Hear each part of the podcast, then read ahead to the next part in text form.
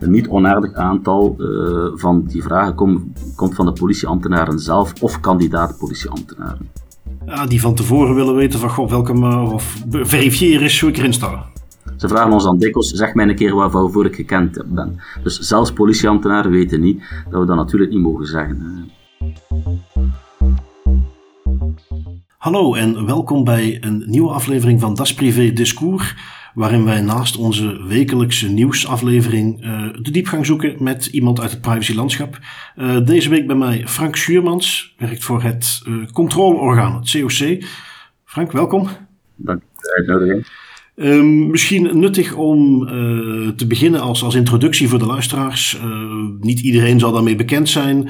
Um, ja, wat doe jij? Wat is het controleorgaan? Wel, het controleorgaan is een, uh, ja, de politionele dataprotectieautoriteit, zeg maar. Hè. Dus u, u weet dat we in België voor een relatief complex landschap van dataprotectieautoriteiten gekozen hebben met de grote GBA die, um, die eigenlijk een restbevoegdheid heeft, maar die in de praktijk uiteraard de grootste hap heeft.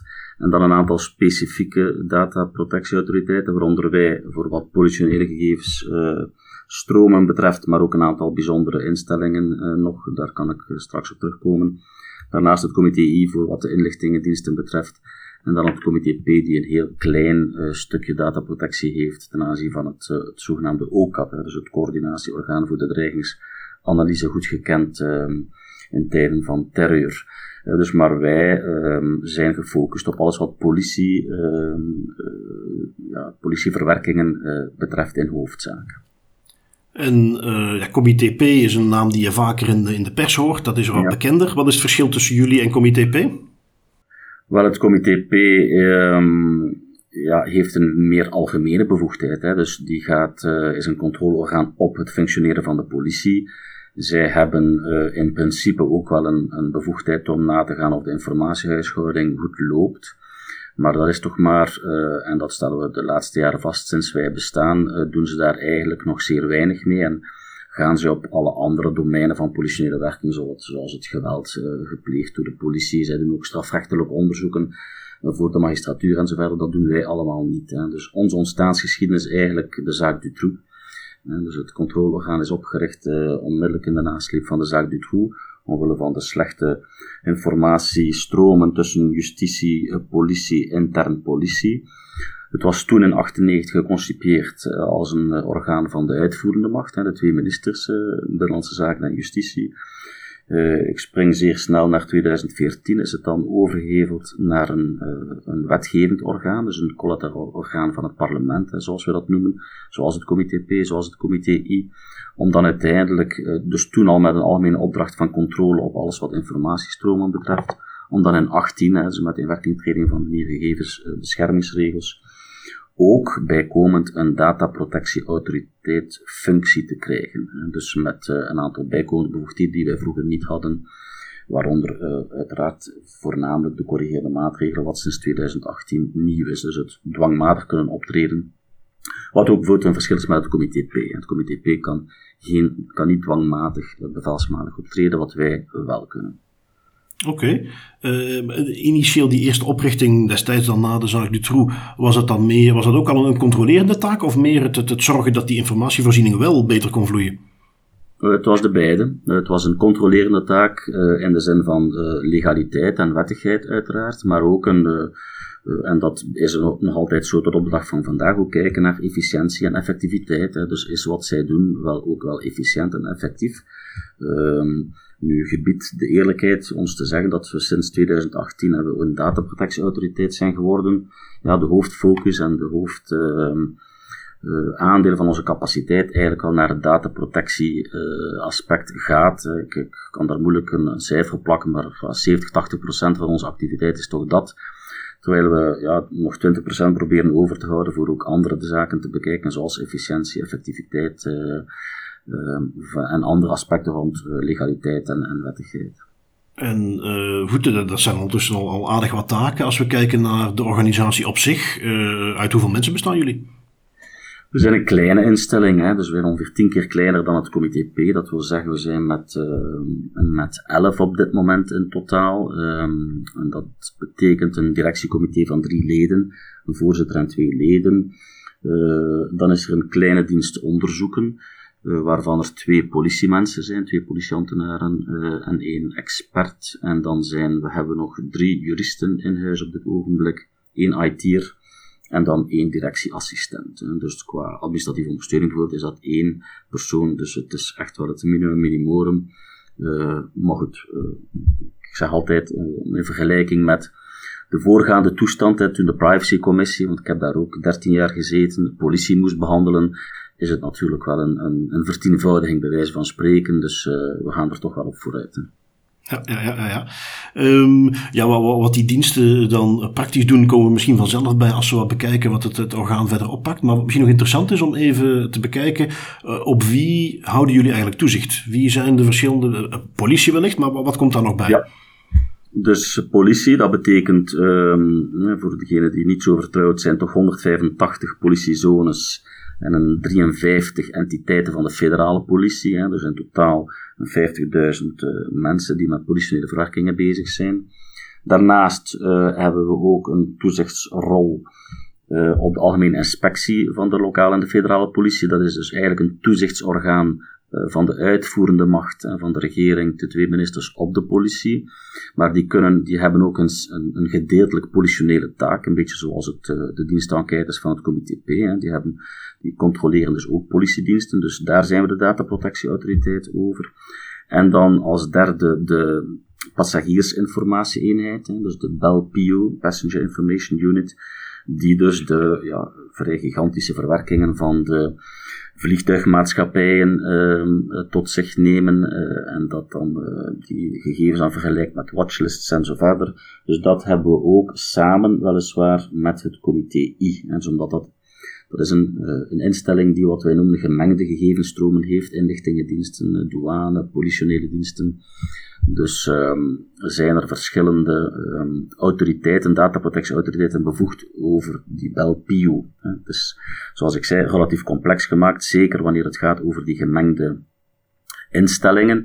Dat betekent voor mensen ook voor meerdere dataprotectieautoriteiten hebben, dat we dan ook met twee of soms zelfs met drie bevoegd zijn. Reden waarom we ook uh, nog niet zo lang geleden een, een, protocol hebben afgesloten onder elkaar om zo goed mogelijk trachten af te spreken uh, wie wat doet.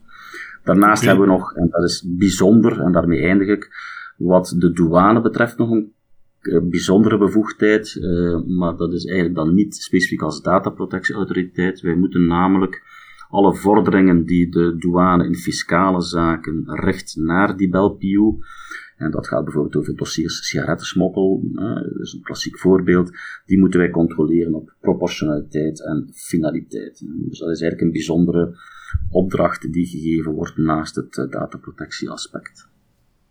Oké. Um, even kijken naar, naar uh, ja, wat, wat, voor profielen werkzaam zijn bij jullie. Zijn dat dan voornamelijk juristen? Zitten er ook IT-mensen bij? Hoe, hoe, moet ik me dat voorstellen? Hoewel, zoals ik gezegd heb, um, zijn dat toch uh, voornamelijk juristen. Dus de mensen van het DIRCOM zijn twee magistraten en één niet-magistraat. Dus ik zelf ben van origine een parketmagistraat. Uh, mijn voorzitter is eigenlijk een zetelend magistraat.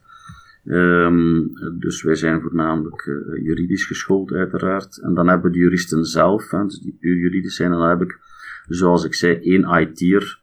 Dus dat is, uh, ja, u zal mij zeggen terecht, het minimum minimorum. En dat is inderdaad ook zo. Dus uh, als er iets is waar we op dit moment wat, uh, wat moeilijk zitten, dan is het dat aspect. Hè. Dus uh, ik denk naar de toekomst toe wordt het onvermijdelijk. Uh, maar bon, de, budgettaire contraintes zijn altijd wat ze zijn.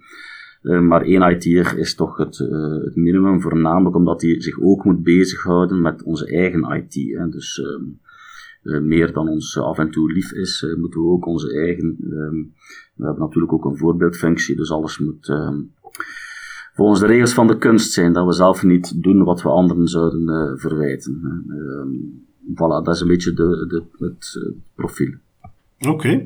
Um, goed, we hebben een beetje die, die, eh, de context van de organisatie geschetst. Uh, hoe de taak wat algemeen, ook gewoon op jullie website te zien, omschreven wordt. De, de controle en het toezicht, het brede domein van de informatie, huishouding en technologie.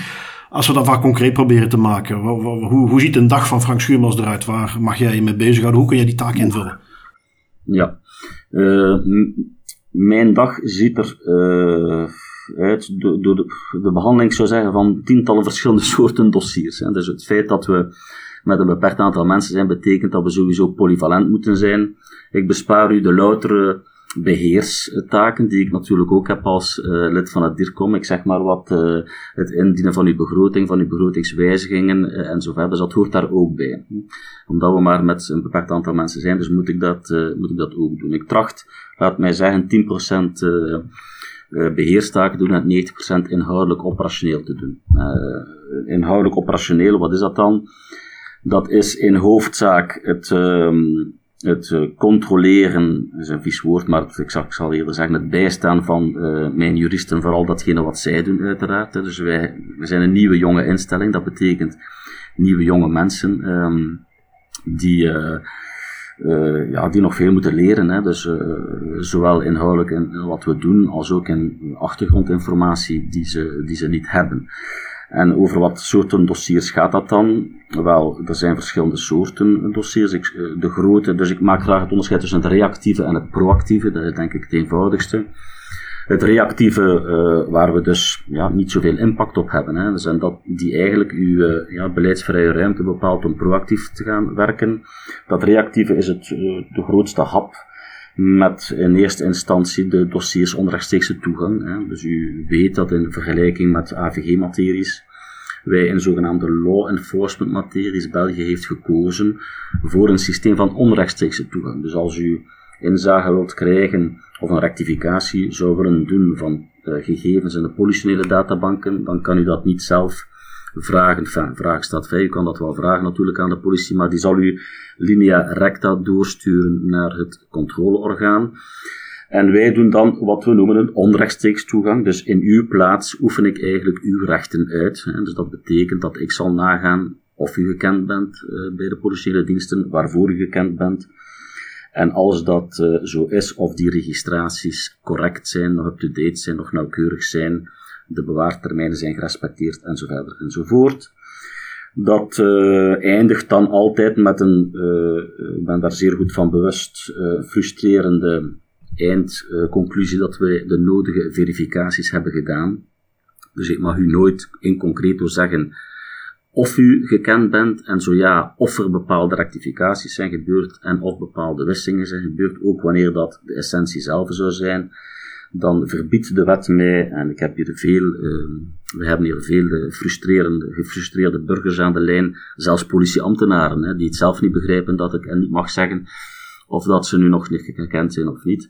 Dus dat eindigt altijd daarmee, dat zijn vrij intensieve dossiers. Hè, dus... Uh, Wanneer, uh, wanneer u gekend bent voor één een diefstal, dan is dat vrij eenvoudig. Maar we hebben hier ook mensen die natuurlijk meerdere tientallen uh, registraties uh, hebben en die moeten wij dan allemaal controleren op hun wettigheid. We zitten bovendien met een versplinterde politiestructuur. Dat betekent dat dat registraties kunnen zijn van tientallen politiezones. Dat betekent dat wij telkens naar al die politiezones moeten gaan. En er is dus niet één centraal punt tot onze frustratie. Ook dat is een verbeterpunt naar de toekomst, denk ik, waar wij zouden kunnen vragen aan de politie. Doe nu een keer zelf je evaluatie. Nee, wij moeten dus voortdurend um, met al die zones in contact zijn. Wat betekent ook meteen dat de doorlooptijd, de duurtijd, uh, soms wel wat problematisch is, omdat wij natuurlijk afhankelijk zijn van de antwoorden van de politiediensten dat verbetert altijd maar. Hè. Dus uh, moest ik mij vergelijken met een, drie jaar geleden, dan is het uh, resultaat al veel beter, het gaat al veel sneller. Er is al veel meer professionalisme bij de politie, dus men gaat er al rapper op in. Maar goed, het kan toch soms zijn, zijn tijd duren. En daarmee bedoel ik dat het soms perfect een jaar kan duren. Hè. Dus uh, de gemiddelde doorlooptijd is nu denk ik, staat in het jaarverslag, de, twee maanden of één maand zelfs. Um, dat is veel verbeterd omdat wij in tegenstelling bijvoorbeeld tot de vroegere privacycommissie tot de meest belangrijke databanken rechtstreeks toegang hebben. Dus hier in mijn bureau staat er een terminal van de Algemene Nationale Gegevensbank bijvoorbeeld. Dus je kan onmiddellijk zien ehm, of u gekend bent of niet gekend. Uh, dus dat, dat is al een groot verschil. Hè. Vroeger moest de privacycommissie alles vragen aan de politie. Dus ik zou zeggen dat dat, uh, het, ja, mijn juristen, uh, twee van mijn juristen zijn zeker voltijds bezig met de dossiers onrechtstreekse toegang. Maar ik natuurlijk ook in steun, hè, want daar zijn dikwijls juridische en operationele vragen die niet zo eenvoudig op te lossen zijn. Maar het is misschien interessant om daar even op, eh, op in te zoomen. Want ja, voor de burger, wat hij daarvan voorbij ziet komen, ik kan me aanmelden en vervolgens krijg ik eh, een jaar later te horen, uh, ja, het is geverifieerd. Maar in de praktijk betekent dat dus wel dat iemand bij het controleorgaan uh, alle registraties gaat bekijken. Ja, dat is zo. Dat is zo. Uh, wij gaan al die registraties bekijken. Um, alle registraties hangt er een beetje vanaf. Hè. Dus wanneer er natuurlijk iemand uh, eh, 30 registraties heeft, of, uh, dus die een zeer zwaar politioneel verleden heeft, dan gaan wij niet noodzakelijk alle registraties bekijken, maar de meest belangrijke maken we daar een selectie uit, omdat het anders veel te lang zou duren. Um, dus het is een beetje, een beetje afwegen van wat, de concrete, wat het concrete uh, ja, het concrete verleden is. Hè, maar uh, in principe uh, trachten wij inderdaad alle registraties te bekijken. En doen wij ook zeer geregeld. Hè, dus uit het jaarverslag blijkt dat van de dossiers die hier binnenkomen, wij in 70% van de gevallen, dus dat is toch zeer veel, overgaan tot het zij een gehele, het zij een gedeeltelijke rectificatie slash wissing van de gegevens. En dat heeft nu op dit moment vooral te maken met het niet respecteren van de opgelegde bewaartermijnen in de wet op het politieambt door de politie. Dus dat is iets waar we nu al drie jaar mee bezig zijn. Um, dat is een zeer moeilijke bevalling, omdat dat uiteraard moet dat geautomatiseerd kunnen verlopen. Hè. Dus er zijn meer dan 10 miljoen registraties eh, in de ANG. Het is natuurlijk niet meer haalbaar om dat manueel te doen. Dus men heeft zo een systeem opgezet. dat heeft veel voeten in de aarde gehad. Dus men heeft mij nu beloofd dat uh, men in september zou overgaan tot een eerste uh, volautomatische ventilering, noemt dat in het politiejargon. Okay. Dus um, in principe is het wettelijk gezien eerst een archivering en na de archiveringstermijn een wissing. We nemen dat samen als ventilering. Een eerste ventileringsshot zou moeten gebeuren in september, dus we zijn ook zeer benieuwd of dat, dat nu eindelijk zal lukken. Als dat zal lukken, dan zal dat uh, zeer veel van ons werk wegnemen. Hè, dus waarbij we nu al niet moeten, ja, een diefstal, maar gewoon een enkelvoudige diefstal, maar mag 10 jaar maximaal. Hè. In de uh, ANG zitten bijvoorbeeld, nu wij stellen vast dat dat na 15, 20 jaar, dus dan is het eenvoudig. Dat zijn eenvoudige uh, geautomatiseerde wissingen die wij zouden dan moeten kwijtgeraken. Dus het zou ons werk toch iets moeten verlichten. Maar goed, het moet toch nog in de praktijk gebeuren. Hè. Dus het, is een, het heeft veel brieven gekost, veel vergaderingen. Um, politie zit inderdaad met een wat verouderd systeem. Hè. De ANG is een verouderde architectuur, dat is zo. Um, men is daarmee bezig, maar goed, men is daar al een aantal jaren mee bezig. Hè. Men spreekt dan van iPolice. Um, iPolice voor ons is dat een beetje het monster van Loch Ness. Hè. Dus we weten niet goed, af en toe duikt het eens op, we weten niet goed uh, wat het is en dan verdwijnt het weer. Uh, en dan uh, ik krijg dikwijls, ja, maar dat zal opgelost worden met iPolice.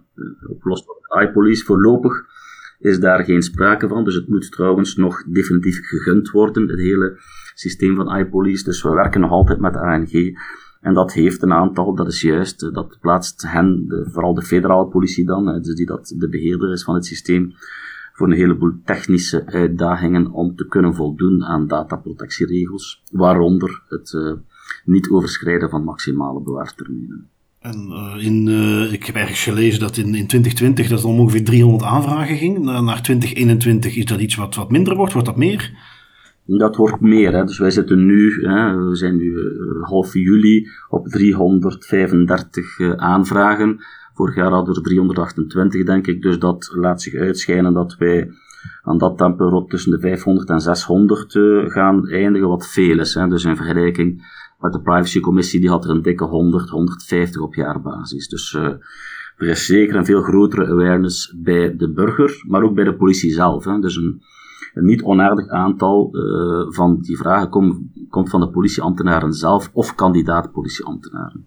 Ja, die van tevoren willen weten van god, welke of verifiëren is, zo ik erin sta. Ja, ja, ja, die willen vermijden dat ze op de recrutering, op de selectie met onaangename verrassingen, voor onaangename verrassingen komen te staan. Ja. Ze vragen ons dan dikwijls, zeg mij een keer waarvoor ik gekend ben. Dus zelfs politieambtenaren weten niet dat we dat natuurlijk niet mogen zeggen. En uh, zijn dan toch ook niet in de verleiding om het zelf op te zoeken? Of, of hebben misschien die toegang gewoon niet? Ja, ja, toch wel. Dus dat is een van de problemen. En daaruit voert dan, volgt dan dikwijls, van dikwijls nu en dan, volgt uit zo'n dossier onrechtstreekse toegang een ander soort dossier dat wij behandelen, dat zijn de klachten. Um, waarbij um, het zij eh, aan de hand van een, dossier onrechtstreekse toegang zien wij dat een politieambtenaar zichzelf heeft geconsulteerd. Dus dat is nog altijd een, uh, een harde nood om te kraken. Hè. Dus dat blijft, uh, dat blijft toch wel bestaan. Het is veel verbeterd. Hè. Dus ik kan dat, uh, dus er is veel awareness, veel boodschappen, veel, je weet dat het niet mocht, maar bon, af en toe moeten we dat toch nog een keer opnieuw uitleggen. Ja, soms is het kwade wil, weet men zeer goed dat het niet kan. Soms is het echt omdat men denkt dat er geen probleem is. Hè. Want ja, uit een, een verzoek kunnen wij onmiddellijk afleiden aan de hand van de informatie die men ons geeft. Ja, als men zegt, ik ben gekend voor dat, op die en datum door die politiezone geregistreerd, en dat is de technische sleutel, ja, dan weet ik uiteraard um, dat ze zichzelf geconsulteerd hebben. Dus dat zijn dan, um, uh, wij, wij, catalogeren dat bij de klachten, uh, en is een ander soort dossier. Uh, een ander soort klachtendossier is uiteraard wanneer iemand denkt dat een politieambtenaar ten onrechte zijn gegevens heeft geconsulteerd. Hè. Uh, dat, dat, nou, speelt zich dat af in de familiaal echterlijke sfeer. Hè. Dus um, om elkaar het leven moeilijk te maken. Leg maar dan klacht neer, maar van, we, zien, we zien dan ook wel dikwijls dat dat uh, ook wel gebeurt, hè, of uit nieuwsgierigheid uiteraard, politieambtenaren die het niet kunnen laten, de een of de andere, um, toch eens te kijken uh, welk vlees hij in de, kuip, de kuip heeft. Dus ja, een consultaties voor privédoeleinden, zeg maar, die niks met het werk te maken hebben, dat is niet alleen een tuchtmisdrijf, een tuchtinbreuk, dat is ook een misdrijf. Dus wij doen daar een eerste, wat wij noemen, prima facie onderzoek in, omdat dat zeer arbeidsintensief kan zijn. Hè. Dus uh, een, een, burger kan zo vragen, ja, ik denk dat een politieambtenaar uh, uit die zone of uit, uit die provincie mijn gegevens ten onrechte heeft geconsulteerd in 2018. Ja, dus dat is voor ons echt uh, beginnen vissen. Hè. Dus dat, wij kunnen loggings opvragen uiteraard, maar hoe breder, hoe groter de periode, hoe, hoe meer gegevens wij gaan krijgen en hoe arbeidsintensief dat wordt. Dus van zodra dat wij een aanwijzing hebben dat er een politieambtenaar over de schreef is gegaan, zullen wij in principe het dossier overmaken aan het korps zelf voor interne verdere afhandeling. Eh, omdat wij, ja, ik heb twee onderzoekers, hè, dat zit, dus ik, P heeft er uh, 43, hè, dus ik, uh, ja, dat is de, de realiteit. Hè. Um, het belangrijkste is dat wij een eerste aanwijzing kunnen hebben. Hè. Wij zeggen dat dan ook aan de burger, kijk, uw dossier wordt overgemaakt aan de aan het betrokken korps voor verdere afhandeling. En dat kan dan eindigen met een tuchtinbreuk of een opstellen van een procesverbaal dat naar het Openbaar Ministerie wordt eh, gestuurd. Dus dat is het tweede soort van reactieve uh, dossiers die wij doen. Nou, misschien uh, belangrijk in is dus wel, goed, die databanken zijn er. Goed, niet in iedere beroepstak zien we dat daar is soms ook misbruik van, maar er zijn dus wel loggings waarin dat, dat vervolgens getraceerd kan worden. Absoluut, absoluut. Ja. Dus wij doen dat, het zij op klacht, zoals ik zei, het zij op, uh, ja, ambtshalve, op, in, in, bij eender welk soort dossier, als ik een aanwijzing heb dat iemand, uh, of dat een onterechte consultatie is geweest, dus dan uh, kunnen, wij, kunnen wij dat opvragen. En er is elke politie, niet elke politiedatabank, dat moet ik eruit bij zeggen, maar de belangrijkste, dus de ANG is toch de belangrijkste, die wordt zeker gelogd. Hè, dus wie, wat, wanneer. Iets anders is dan het invullen van een reden van de raadpleging, dat is nog een groot probleem. Nu is dat deontologisch voorgeschreven, hè, dus je moet, hè, dus ook ik wanneer ik de ANG raadpleeg, moet ik een reden van raadpleging invullen. Het probleem is dat dat, ja, men kan daar eender wat inschrijven natuurlijk, en het is ook geen verplicht veld. Hè, dus ik kan doorgaan, ook zonder die reden van raadpleging in te vullen. En uit de onderzoeken die wij doen, uh, blijkt dat dat nog altijd een zeer groot probleem is. Dus uit steekproeven blijkt dat in ja, bijna 90% van de gevallen de reden van raadpleging het zij niet wordt ingevuld, het zij ja, farfelu wordt ingevuld, dus waar, waar we in de zin van controle of toezicht, of ja, dat we dus niet dat dan aan een concreet dossier kunnen koppelen en dus ook moeilijk um, kunnen terughalen uh, ja, wat er nu juist is gebeurd. Um, men, ook daaraan heeft men mij beloofd, is men aan het werken om daar echt een verplicht veld van te maken, dat je alvast niet verder kunt Um, en best werkend, wat wij hebben gescheurd met een soort van droplist, hè, dat, dat men daar niet eender wat kan inzetten in dat, in dat vrije veld. Uh, maar bon, dat is dus ook nog work in progress. Ja, technisch wellicht niet de, de grootste aanpassing, een veldje verplicht maken als men uh, dat raadpleegt. Wel ja, dus dat is wat men mij zegt dat dat technisch niet zo evident is. Hè. Dus voor uh, ah, okay. IT'ers uit de privésector zal dat wellicht uh, evident zijn. Voor de, ja, bij de geïntegreerde politie en het ANG-systeem zegt men dat dat niet zo evident is. ja.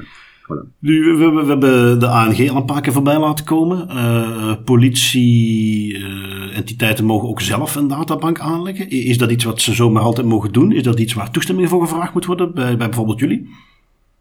Nee, dat is, uh, vroeger was dat wel zo, maar dat is door de vorige regering, ontslagnemende regering, en ik denk dan wel de lopende regering afgeschaft. Hè. Dus wat wij een jammere zaak vinden, we, dat zijn wat we noemen de bijzondere gegevensbanken. Dus vroeger moesten, mochten, moesten die inderdaad een bindend advies krijgen. Dus daar is nog een arrest van het grondwettelijk hof geweest dat zei, ja, dat bindend advies moet je eigenlijk lezen als machtiging. Dus wij moesten dan inderdaad een machtiging geven. Maar dat is afgeschaft in 2019, zodanig dat ze um, met als voorwensel de hele uh, gegevensbeschermingsfilosofie dat het niet uh, aan een toezichthouder is om a priori machtigingen te geven. Hè. Dus zoals de sectorale comité's zijn verdwenen hè, in beginsel, uh, was dat ook ja, in, dat discours van het moet gedaan zijn met die a priori controles. Het, het controleorgaan moet maar achteraf gaan controleren of het oké is.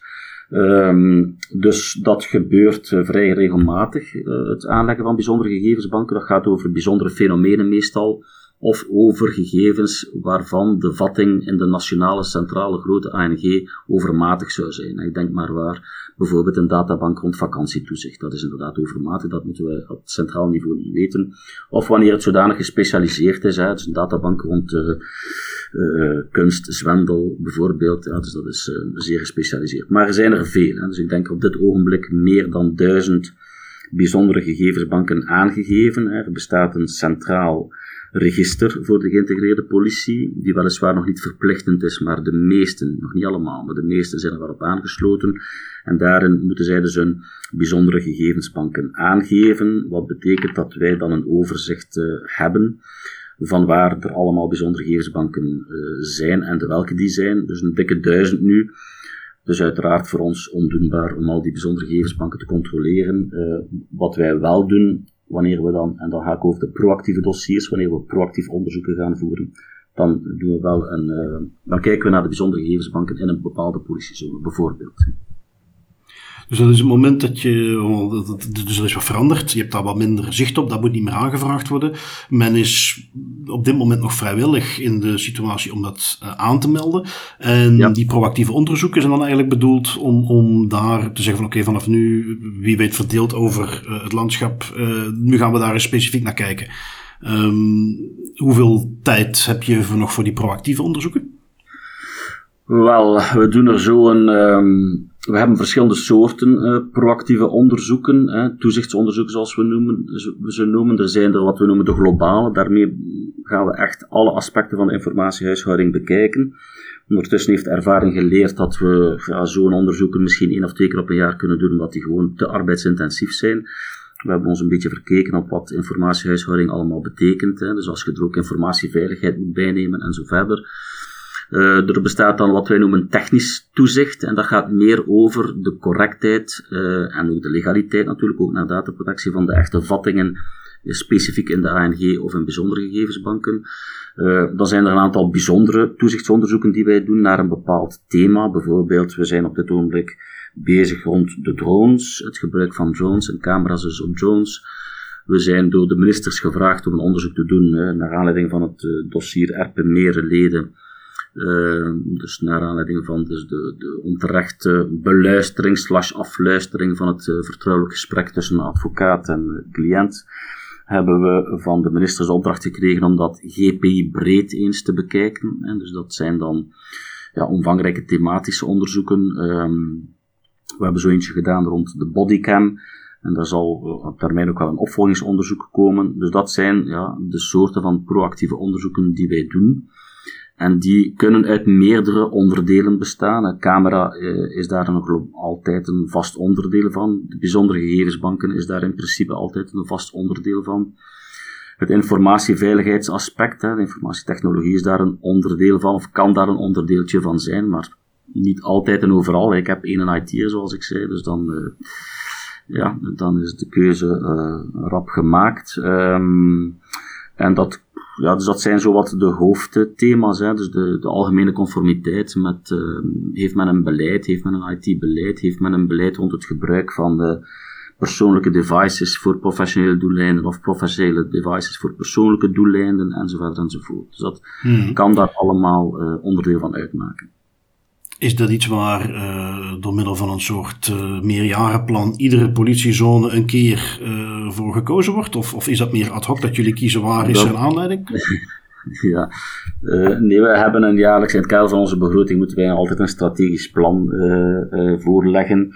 Dat doen we dan ook. Um, we trachten elk jaar op voorhand een x aantal zones uit te kiezen maar zeker niet alle zones. Hè. Dus uh, daarvoor denk ik moet mijn capaciteit maal 10 zijn op zijn minst.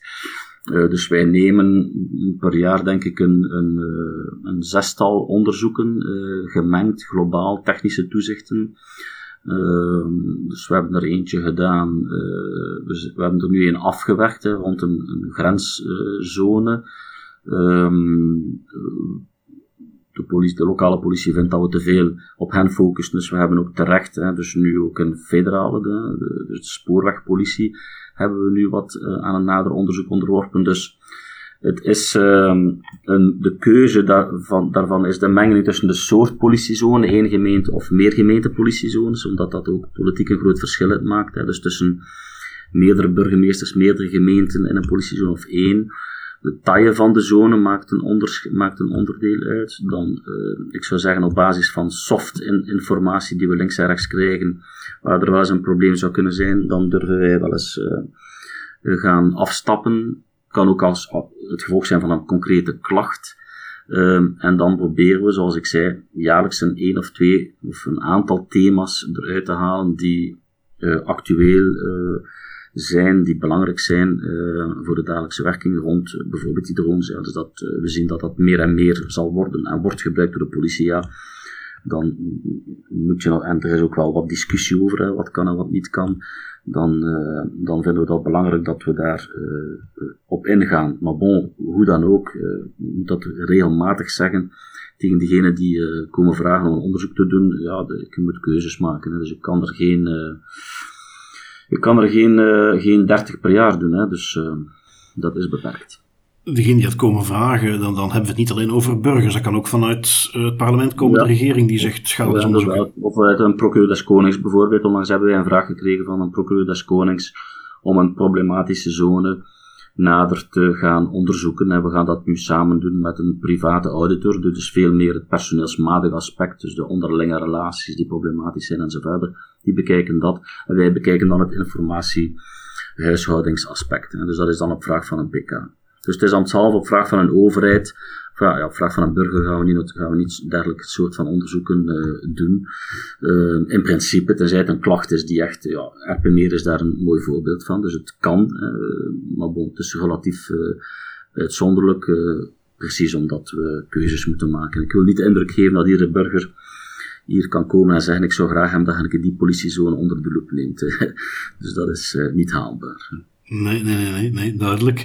Um, je haalde cameragebruik al aan. Ja, dat is iets wat natuurlijk ook de laatste tijd veel in de media is. Uh, de camerapalen die je ziet staan in het landschap, die, die, dat zijn er steeds meer. Is dat iets waar jullie een bepaalde adviesrol hebben om, om daar uh, aan te geven van ja, mag dat nog? Hoe, hoe zijn jullie daarin betrokken? Goh, wij zijn daar op vele wijzen in betrokken, uiteraard. Hè. Dus een en val logistiek. Hè. Dus net zoals de GBA geven wij voorafgaand aan uh, het tot stand komen van regelgeving uiteraard een advies. Hè. Uh, soms samen met de GBA, soms afzonderlijk. Wanneer het, het gaat over politionele tomen zijn alleen wij het. En nadien kunnen wij dat onder diverse soorten van dossiers bekijken. Het zij, zoals ik daarnet zei, proactief. Hè, dus het camerabewerkingen gelet op het belang en, en de massa gegevens zit eigenlijk in elk proactief onderzoek. Het kan ook in het kader van een aangifte van een DPIA, hè, dus dat is ook mogelijk. Hè. Dus eh, we krijgen eh, relatief wat de meeste DPI's die wij ontvangen zijn eigenlijk van cameraverwerkingen. van bodycams, van vaste camera's of van tijdelijk vaste camera's. waarbij wij dan een soort van in eerste orde prima facie um, aftoetsings onderzoek doen, hè, dus nog niet onmiddellijk een formeel advies geven, want meestal aan de hand van het onderzoek stuurt men bij. En we hebben eigenlijk nog geen geval gehad waarbij een politiezone onze opmerkingen weigert in, in overweging te nemen of niet akkoord zou zijn. Um, dus in, het kader van DPI's kan het ook gebeuren. Het kan gebeuren in het kader van een, van een eventueel onrechtstreeks toezicht. Hè. Dus strikt genomen juridisch. Gelukkig zijn er weinig. Dus strikt genomen zou men ook bij ons moeten terecht kunnen komen voor een cameraverwerking, voor een, een, een, verzoek tot inzage. Maar daar hebben we al gezegd, ja, dus als er een camera uh, in Antwerpen staat en hij wil weten of je door die camera bent gefilmd, ja, ik kan daar, ik heb, die camera staat niet bij mij, hè, dus moet, sowieso moet men eigenlijk naar de zone gaan. Dus we hebben al met de politie duidelijk gemaakt, kijk, wat de cameraverwerkingen betreft, daar moet je zelf ja, naar analogie met de camerawet een, eis, een, een vorm van rechtstreeks toezicht toelaten. En dat is dan voor zover dat die beelden niet verwerkt worden natuurlijk in een gerechtelijk dossier. Dan wordt het een andere zaak, maar als dat niet het geval is, u bent daar gewoon gepasseerd en u wenst, wilt dat weten, hè, ja, dan is dat eigenlijk hetzelfde als zou willen weten van de Carrefour of van een politiezone. Hmm. Dus ja, dat zijn dus verschillende soorten dossiers waarbij camera rechtstreeks of onrechtstreeks uh, in onze onderzoeken en onze activiteiten betrokken worden. Het is een belangrijk onderdeel, ook ANPR's. We krijgen daar zeer veel vragen over rond ANPR's, wat kan, wat niet kan. Um, dus ja, zeer veel over camera. Iets uh, wat, wat, wat vaak voorbij komt als het dan gaat over dat er steeds meer camera's komen, is ja goed, die, die nemen natuurlijk allemaal dingen op. Daar worden allemaal meldingen rond verzameld. Vooral die ANPR-camera's, die, die uh, allerlei dingen. Is dat iets waar naar, naar doelmatigheid toe, eh, kan men dat allemaal verwerken? Want de, cijfers die ik bijvoorbeeld van de stad Kortrijk voorbij zag komen, dan hebben we het over 15.000 dingen die gesigned worden in een jaar. Dat lijkt me heel moeilijk voor een politiezone om weg te werken. Ja, men heeft daar een, uh, wat men noemt een actiebeleid gemaakt. Hè. Dus het, een keer dat het hele schild, enfin, het is nu al uh, zeer spectaculair, maar als het hele schild van 3500 camera's zal, zal uitgerold zijn, wat men hoopt binnen enkele jaren het geval te zijn, dan spreken we over 70.000 hits per dag. Dat is evident dat dat onbeheersbaar is. Maar dus on, onder die hits is er wel een prioritering gemaakt. Hè dus een actiebeleid gemaakt. Um, dat actiebeleid dat is natuurlijk nogal louter intern politioneel vastgelegd. Dat is een van onze kritieken die we nu nog hebben, omdat dat actie- en interventiebeleid eigenlijk ook door de overheden zou moeten gevalideerd worden. Hè. En niet alleen door de politie. Maar dus dat bestaat. Hè. Dus heel wat, uh, ik zeg maar wat, um, voor bepaalde hits uh, gaat men in het ene uiterste echt uh, live tussenkomen. Hè. Uh, voor zover dat er ploegen zijn op dat moment op het terrein, uiteraard. Voor andere hits ja, zal dat gewoon uh, verticaal geclasseerd worden. Voor nog andere hits zal er een melding aangemaakt worden, zoals dat noemt in het CIC. Het communicatie- en informatiecentrum dat in elke provincie staat. Die maakt dan een melding aan. En die melding wordt dan doorgestuurd naar de seinende politiediensten. Bijvoorbeeld Verzeiningen voor niet-verzekering van het voertuig of voor niet-schouwing. Daar gaat men natuurlijk niet in beginsel live onmiddellijk op tussenkomen, maar dat zal men dan doorsturen naar die politiezone. Kijk, uw cliënt heeft, uh, is, daar rond, is daar geweest op dat moment, dus rijdt dus nog wel degelijk rond met zijn niet verzekerd voertuig. En dan is het aan de politie om daar uh, uh, op verder te werken. Dus er is een actie- en interventiebeleid iets wat je vaak ziet op het moment dat men zulke hoeveelheden data heeft en daar niet uitkomt, is dat er dan vervolgens eh, de, de, de magische woorden AI op losgelaten wordt. Uh, heb je daar al DPI's van gezien? Nee, nee. Dus het, uh, ik weet dat er in academische middens um, veel geschreven wordt al over AI en zo verder. En, uh, maar ik, we moeten toch een beetje de voeten op de grond houden. Hè. bij de Belgische politie valt het nog zeer sterk mee. Hè. Ze gaan zeggen tot hun grote frustratie maar veel AI um, is er nog niet. Hè. Dus uh, de enige AI is dat, het, uh, ja, dat, zo'n, dat men zo'n hits kan genereren. Dus dat er uiteraard wel geautomatiseerde koppelingen zijn uh, met, met blacklists en zo verder. Maar echte AI in de zin van, ik zeg maar wat, um, biometrie of facial recognition en zo verder. Dat is voorlopig nog iets voor de Anglo-Saxische politiediensten. Bij ons um, bestaat het niet. Hè. Dus uh, je weet dat we één keer zijn tussengekomen voor een proefproject in Zaventem. Uh, voor de rest verzekert men mij, uh, ik, ben, ik ga natuurlijk niet overal ter plaatse gaan kijken, maar wij hebben geen kennis van andere gezichtsherkenningstechnologie.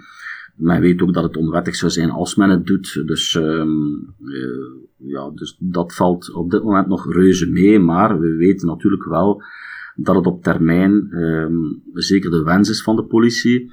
Of dat het ook zal politiek zomaar lukken, dat is toch nog met de nieuwe verordening. Enfin, Europa heeft toch een voorzet gegeven hè, met de, publieke consultatie rond de AI-verordening die er is. Die al bijvoorbeeld de live facial recognition in publieke ruimtes uh, verbiedt, behoudens specifieke uitzonderingen die wel ruim zijn, hè, in alle eerlijkheid. Um, ja, daar moet ook nog een politiek Belgisch debat over gevoerd worden en dan moet men het nog in de praktijk. Hè. Dus uh, opnieuw zegt men ja, iPolice, iPolice, oké. Dus ik uh, denk dat ik nog eventjes op mijn gemak ben voor leer het echt wel uh, zal uitgerold zijn in de praktijk. Um, dus maar we volgen het uiteraard op in de mate dat het zou bestaan. In uh, Zweden had je een politiedienst die veroordeeld was, of, of die boete heeft gekregen voor het gebruik van Clearview AI, die, die Amerikaanse database die opgebouwd was. Is dat iets waar jullie al tegengekomen zijn? Uh, nee, dat is ons gevraagd trouwens ook vanuit het parlement van hebben jullie kennis van? Ik heb dan een GPI, eh, dus GPI is voor de niet ingewijden, geïntegreerde politie, politie integreren. Dus ik spreek altijd van GPI. Een GPI brede bevraging gedaan en men heeft mij verzekerd dat behoudens uiteraard een of andere uh, politieambtenaar die uh, in het zwart bij wijze van spreken uh, die Clearview zou gebruikt hebben, dat, dat het hen niet gekend is en al sinds ook geen policy is geweest van het ooit te doen. Dus wij hebben er ook geen kennis van. Ik heb ook geen enkel bericht naar de hand gekregen of, of wij ambtshalve gezien dat het tegendeel zou kunnen aantonen. Je hebt uh, iets, wat uh, facial recognition zien we vanuit de Anglo-Saxische landen overwaaien, wellicht op termijn. iets wat daar zeker in Amerika nu ook heel veel voorkomt, is het gebruik van bodycams. hoe sta je daar tegenover? Puur even naar, naar ja, wat, wat voor nut heeft het, wat voor impact heeft het op de privacy van een politieagent en wat voor controletool is het? Is het iets wat we hier ook gaan zien? Ja, ik denk dat het een uh, achtergoede gevecht is van te denken dat je dat nog kan tegenhouden. Hè. Dus het is nu in, in, in, grote schaal aan het uitrollen uh, en ook bezig al. Hè. Zeer veel zones hebben het al. Uh, niet noodzakelijk voor alle diensten, hè, dus, maar men begint zeker met hun interventiediensten, wat mij logisch lijkt. Ik ben er eigenlijk voor, hè, dus ik zie weinig, uh, weinig argumenten om er tegen te zijn. Het zal hopelijk een einde, een einde of toch heel wat debatten objectiveren van wat er gebeurd is, wat er gezegd is enzovoort. Hè. Dus dat is een evident voordeel.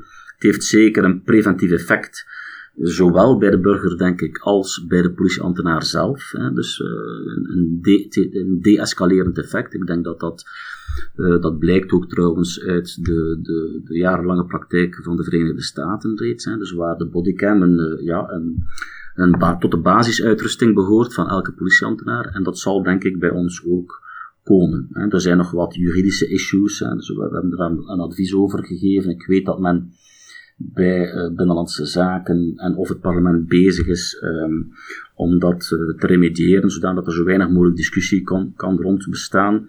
Ook de vakorganisaties waren in het begin zeer, zeer uh, reticent. Dat is toch grotendeels omgeslagen nu. Um, dus ja, dat komt er, denk ik, zonder enige twijfel. Hmm, Oké. Interessant. Um, iets waar wij nog wat, wat minder naar gekeken hebben, maar ja, jullie, je hebt al een paar keer aangegeven, jullie zijn ook gewoon een, autoriteit persoonsgegevens. Um, iets waar de GBA uh, sinds 2018, toen ze officieel opgericht werden, de grootste verandering waren de handhavende taken die ze hebben. Wat voor handhaving mogen jullie doen? wel ongeveer dezelfde handhaving als uh, de GBA, met dien verstande dat wij beperkt zijn tot corrigerende maatregelen. Wij kunnen dus geen administratieve geldboete opleggen, om de evidente reden dat administratieve geldboete uh, door de Belgische wet is uitgesloten voor elke publieke overheid. En wij zijn natuurlijk alleen maar bevoegd voor publieke overheden, de politie. Dus ik kan de politie geen administratieve geldboete opleggen, maar wel alle andere mogelijke corrigerende maatregelen.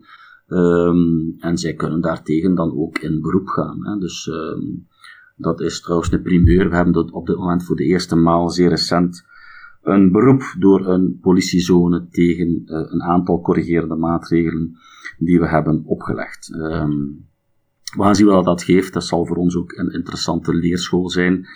Want ik hoop dat we niet uh, eindigen zoals de GBA en het Martenhof, eerlijk gezegd, uh, waarbij de GBA toch vrij geregeld wordt teruggefloten. Maar goed, um, we zullen zien wat het geeft. Op zich denk ik is het goed dat voor de eerste keer um, een politiedienst. We hebben al twee procedures gehad waarbij burgers naar de rechtbank zijn gegaan.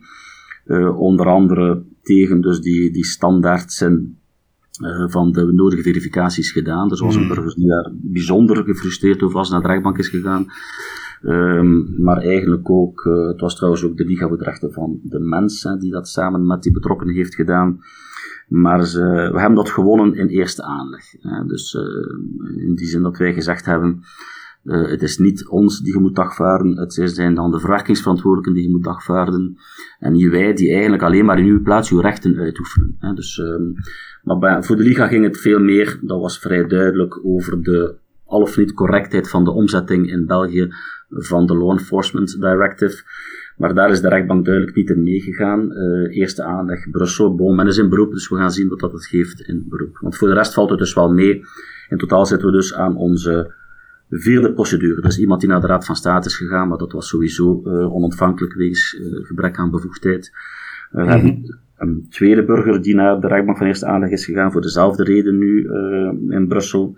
En dus dan nu een procedure voor de eerste maal voor een hof van beroep door een politiezone die niet, zich niet kan vinden in een aantal corrigerende maatregelen. En wat moet ik me voorstellen bij corrigerende maatregelen?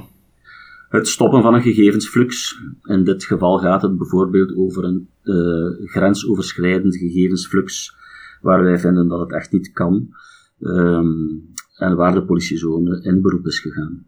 Dus dat is okay. een interessante casus. Ja, absoluut. Um, je gaf daar straks aan, want iets wat we misschien meer kennen in de, de werking tussen de GBA en de VTC, ja, dat, daar leeft gewoon behoorlijk wat frictie. Uh, waar niet helemaal duidelijk is wie is nu waarvoor bevoegd of, of, of, hoe gaan we dingen doorgeven onderling. Maar er is voor jullie een protocol afgesloten waarin dat soort dingen dan wel duidelijker benoemd worden. Ja, maar niet met de VTC, hè. dus uh, met, de federale, uh, met de federale dataprotectieautoriteit. Dus protocol GBA, comité PI en, de, en ons. Uh, dus daar is het duidelijk, de VTC, daar hebben wij eigenlijk geen contacten mee. Uh, ja, er is een, u weet dat er een beetje een politiek probleem is uiteraard. Hè. Dus de Vlaamse regering die weigert uh, haar decreten en besluiten voor te leggen aan de GBA. Wat onrechtstreeks ook een gevolg is, heeft voor ons, omdat dan de één loketfunctie niet meer kan functioneren uiteraard. In het andere geval, eh, dus wat Wallonië betreft, is dat geen probleem. Hè. Dus zal de GBA, wanneer zij ziet dat er in een decreet toch mogelijk sprake is van een politionele gegevensverwerking, dat, eh, dus dat decreet naar ons overmaken en dan gaan wij uitmaken of we daar ook een advies moeten uh, over geven. Dat gebeurt vrij regelmatig. Natuurlijk, met Vlaanderen gebeurt dat niet, omdat wij, uh, ja, omdat de GBA niet gekend wordt en dan, dan worden wij ook niet gekend. Hè. Dus uh, dat is een beetje vervelend. En dus ook wat de VTC betreft, ja, daar hebben wij nog geen contacten mee gehad. Dus uh, ook daar bestaat niet de reflex kennelijk van voor zover het al zou gebeuren, hè, maar het, uh, het, zal toch wel af en toe gebeuren, vermits het ook in de andere deelstaten gebeurt, dat er mogelijk sprake is van politie dan zal de VTC dat niet doorsturen naar ons. Um, dus, en, en zo'n protocol opmaken?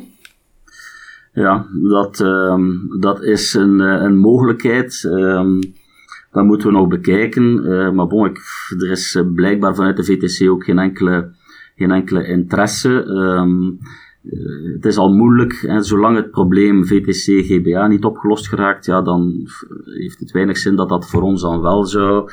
Um, maar ik geef toe, dat is een, uh, dat is een vervelend uh, iets waar op termijn toch misschien een oplossing uh, zou moeten kunnen komen. Oké, okay, er was nog één puntje wat ik nog interessant vond.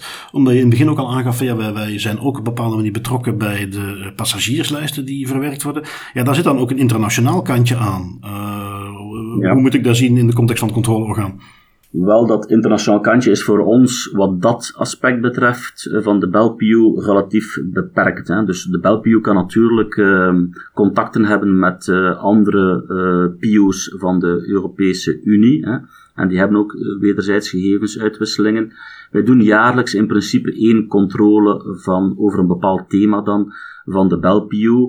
Het internationale is daar, uh, want het zijn niet mijn dossiers, moet ik bekennen, uh, maar voor zover ik me kan herinneren, hebben wij nog niet het internationale aspect bekeken. Maar we zouden dat kunnen doen, proactief. Hè? Dus zien hoe loopt eventuele gegevensuitwisseling met het buitenland. Uh, dus dat is een element dat zou kunnen onderzocht worden. Dat hebben we tot nog toe nog niet gedaan. Dus dat, ja, dat is een mogelijkheid. Zijn jullie op een andere manier internationaal actief? We zijn natuurlijk uh, internationaal actief om te beginnen in alle internationale fora waar een, een Belgische dataprotectieautoriteit uh, verondersteld wordt aanwezig te zijn. Dat is dan vooral um, de BTLE, dus de Border Transport and Law Enforcement subwerkgroep, is dat dan van de European Data Protection Board. dus daar zitten wij in samen met de GBA. Wat de Europol Cooperation Board betreft, daar zitten wij voor België. Zit de GBA als seconded uh, eigenlijk. Dan heb je ook nog de Schengen uh, Cooperation, um, ja, dus de, de CIS Cooperation Group, sorry. Daar zitten we ook in, uh, dus dat doen wij ook. Dus er zijn een aantal internationale fora waar we België vertegenwoordigen. Uh, het zij alleen, het zij samen met de GBA of omgekeerd de GBA en wij dan in sub. Hè, dus de ene neemt de lead afhankelijk van een beetje het onderwerp dan de andere. Bijvoorbeeld over facial recognition uh, discussies binnen de European Data Protection Board zijn wij de lead en bepalen wij het standpunt van België. Dus zo zijn er een aantal internationale fora waar we aanwezig zijn. En daarnaast, uh, in onze proactieve onderzoeken, hebben wij toch al een aantal onderzoeken gedaan rond de werking van uh, de directie van de internationale politie-samenwerking van de federale politie. Dus die ja, alle fluxen, eigenlijk het, het centrale uh, doorgeefluik en contactpunt voor België is voor de internationale fluxen. Oké. Ehm, om, om, om wat, wat af te sluiten. Uh, ja, er zijn heel veel uh, controlerende taken die bij jullie liggen. Veel dingen die bekeken moeten worden. Als je kijkt naar de technologische ontwikkelingen. Uh, misschien nu nog niet, maar in de toekomst AI of, of facial recognition, bodycams, het verwerken van al die gegevens die verzameld worden. Dat zal niet minder worden. Hoe zou jij het controleorgaan graag zien evolueren?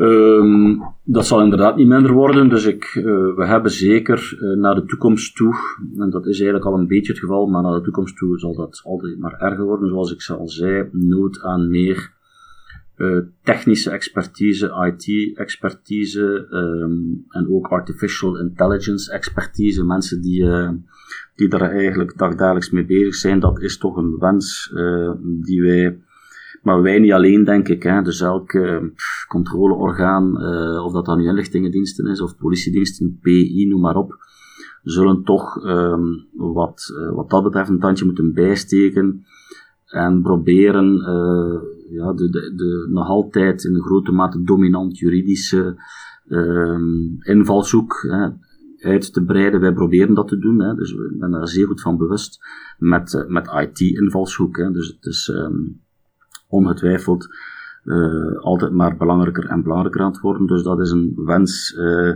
die ik zeker ten aanzien van het parlement. Uh, ik heb dat nog niet gedaan, deze begroting, omdat ik weet dat het moeilijk ligt. er zijn vele andere uitgaven die moeten gebeuren, dus ik heb mij. Um, in tegenstelling tot de GBA trouwens, zeer bescheiden opgesteld en ik heb niks gevraagd. Dus geen een euro bijgevraagd. Ik heb gewoon gevraagd dat we zouden mogen behouden wat we, wat we mhm. hebben. Maar naar de toekomst toe denk ik dat dat moeilijk houdbaar wordt. Dus daar, uh, dat, daar zullen we alleszins iets moeten doen. Ja, ja want uh, zoals nu ook weer bleek, en, en, en, zeker ook in de rol die jullie hebben in de specifieke politionele context, dat gaat dus niet minder worden. En, en om die goed in te kunnen blijven vullen, ja, dat, dan zal het controleorgaan ook mee moeten kunnen evolueren. Hè? Zo is dat, zo is dat. Maar goed, u weet, tussen droom, daad en werkelijkheid en budgettaire middelen er zit er af en toe wel eens een kloof, maar we, we, we kunnen dat maar proberen, hè, om dat te vragen en dat, uh, en dat uh, goed argumenteren. Oké, okay. uh, Frank, ik wil jou bedanken voor het, het, verschaffen van wat inzicht in, in hoe het controleorgaan werkt, wat jullie allemaal doen, op wat voor manier dat dus effectief wel een aantal mechanismes voorzien zijn om, om toezicht te houden um, en, en om die informatie te delen met onze luisteraars. Dankjewel. Dat is zeer graag gedaan, zeer graag gedaan.